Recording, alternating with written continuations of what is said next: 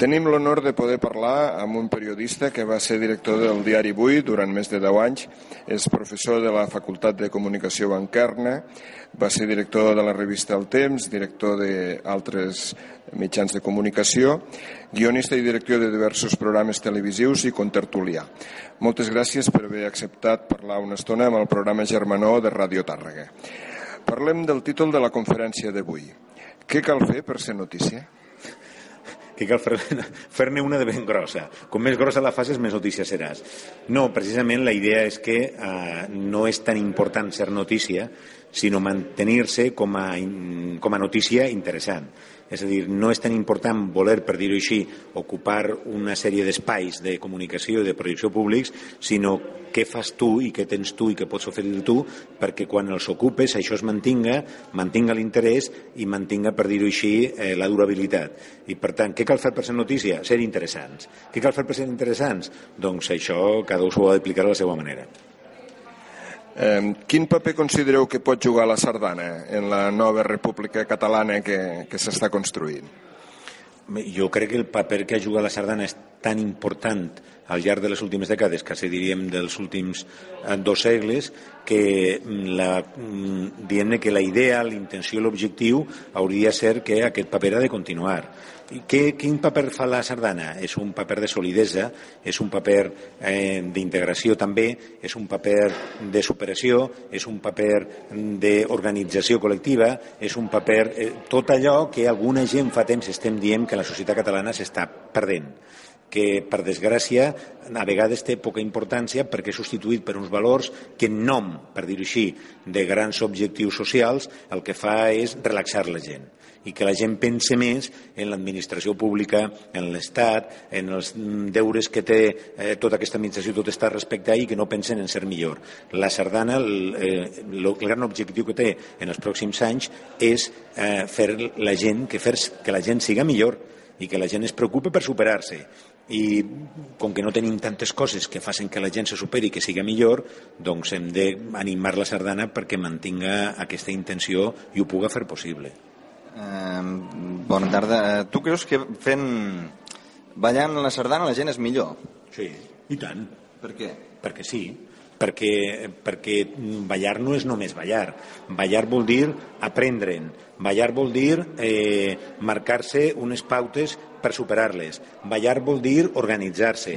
Ballar vol dir eh, estructurar-se en entitats que possibiliten que tu pugues ballar. Ballar vol dir preocupar-se per ser notícia. Ballar vol dir projectar-te tu socialment amb una sèrie de valors que tots són positius.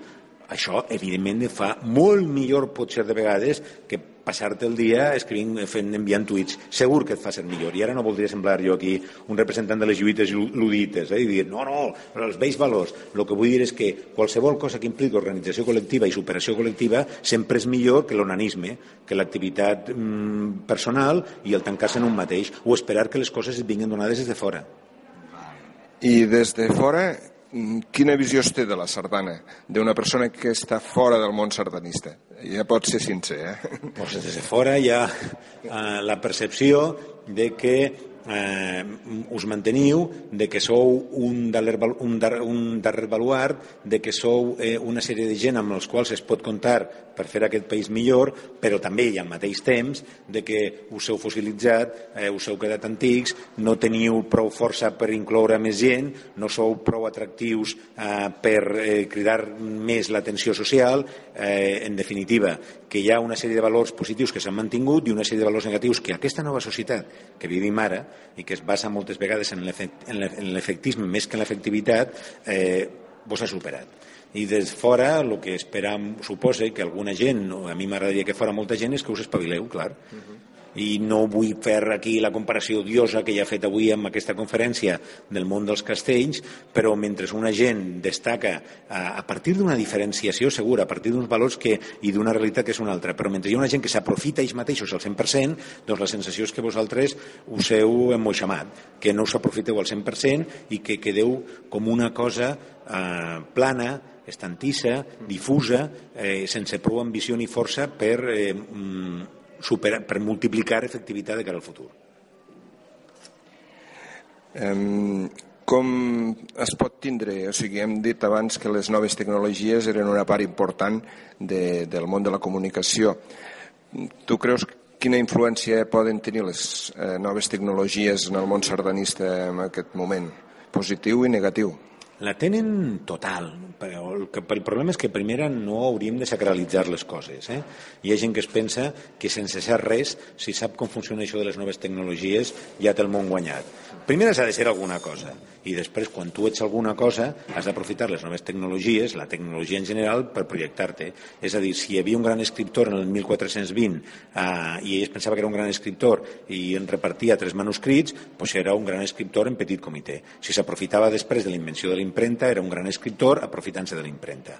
Primer siguem alguna cosa interessant, important, que valga la pena, i després no desaprofitem eh, els nous espais de difusió i de projecció públiques que faciliten aquests mitjans. És a dir, que un món sardanista ha d'estar en Twitter i en Facebook, evidentment, però en Facebook i en Twitter ha de vendre la seva activitat i ha de saber guanyar-se l'interès de la gent que s'ho mira respecte a aquesta activitat. Eh, una persona que s'anodina i que no té cap valor i que no té cap gràcia eh, està en Twitter, doncs enhorabona, no li servirà de res.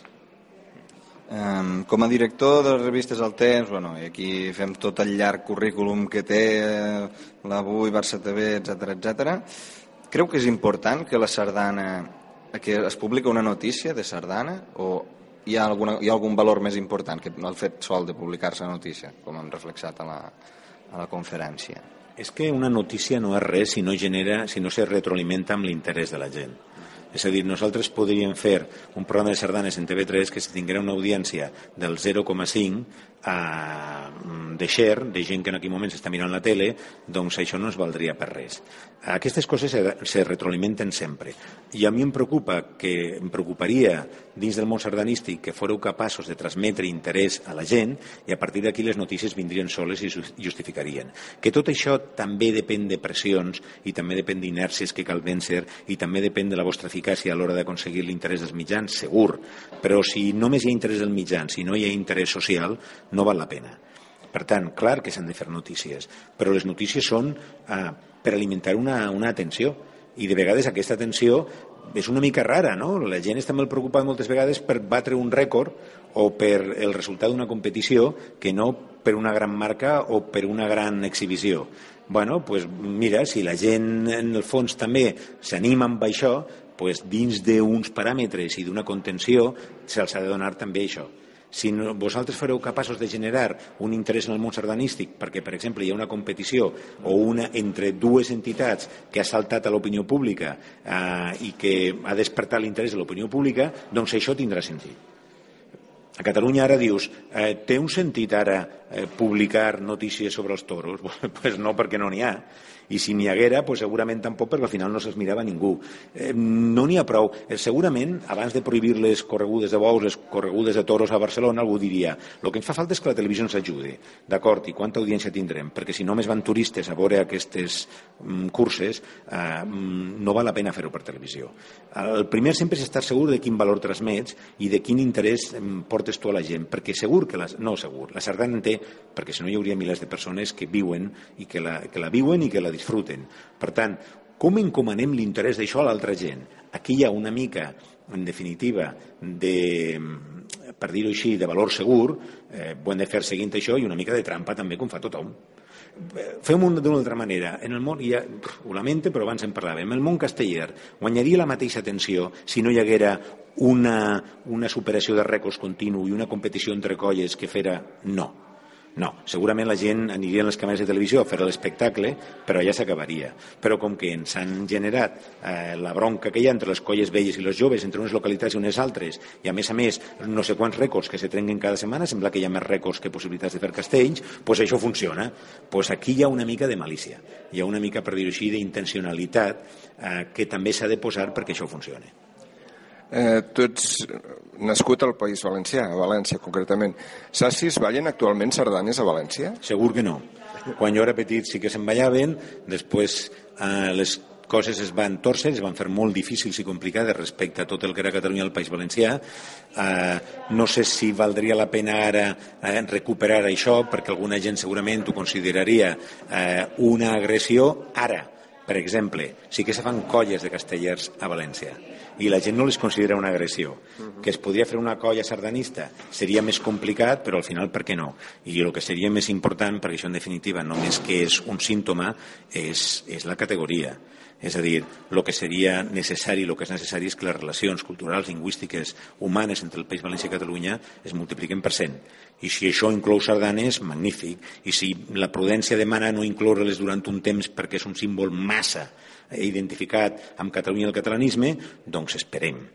Ara, mira, una qüestió a favor vostre. Eh? Els castellers són considerats un valor mm, sense mm, bandera i les sardanes tenen bandera. I, per tant, hi ha molts valencians, no la majoria, però sí bastants, que no els agrada aquesta bandera. I tu saps ballar sardanes? No, però si m'ensenyeu, jo puc aprendre qualsevol cosa. Jo, hi ha una cosa bàsica, els metges en diuen psicomotricitat, que no en tinc. I una cosa també d'una certa part de la meva generació que és vergonya aliena. És a dir, quan jo em veig, eh, a mi hi ha un cantant de rock que m'encanta, que és el Bruce Springsteen. M'encanta tant que m'ho sé tot. Vas I, poder agafar les entrades? Vaig poder agafar la meva entrada i aniré segurament a Madrid i si puc a Sant Sebastià. Ara no em demanes que balli un rock, eh? perquè quan arriba el moment de ballar em moriré, em caurà la cara a terra. Mira, tenim limitacions. Tampoc sé conduir, no passa res. I ja per acabar, eh, ja que et tenim aquí, és una tentació demanar-te de que ens parlis una mica com veus el futur de Catalunya i com la moguda actual, que ja no és tan moguda, però com veus el futur? Home, jo sempre penso que és una sort d'uns veïns com els que tenim. Si no fora pels veïns que tenim, no seríem com som perquè ja no seríem. A Perpinyà, que era el bressol de Catalunya, no és res perquè té uns veïns molt intel·ligents i molt eficaços. Nosaltres tenim uns veïns que són bastant primaris i això possibilita, al final, ens porta sempre a una reflexió que es fa necessària. Eh, amb aquesta gent on anem? Nosaltres sols on aniríem. Nosaltres sols vol dir amb el món, eh? no vol dir nosaltres sols. Bé, gràcies a això podem continuar, perquè moltes vegades tenim molts defectes i moltes limitacions que fa que, per desgràcia, eh, continuem necessitant l'ajuda dels veïns. A mi el que m'agradaria és que Catalunya no necessita l'ajuda de ningú per dir ho hem de fer bé i ho hem de fer sols. Com això no és possible, perquè portem molts anys com portem i tenim moltes mancances i limitacions, continuem beneint els nostres veïns perquè continuen sent tan bèsties com són i que ens facin voler, per dir-ho així, superar-nos per mm, deixar-los estar. Com ho veig? Si ho mirem des d'així, al final guanyarem. Quan? No seran 18 mesos, ni en dos anys, ni en tres anys. Si ho és, millor. Serà quan siga. Ho serem perquè no tenim alternativa. Doncs bé, moltes gràcies per haver acceptat la nostra invitació i et desitgem molts èxits d'aquí en endavant. I a vosaltres també.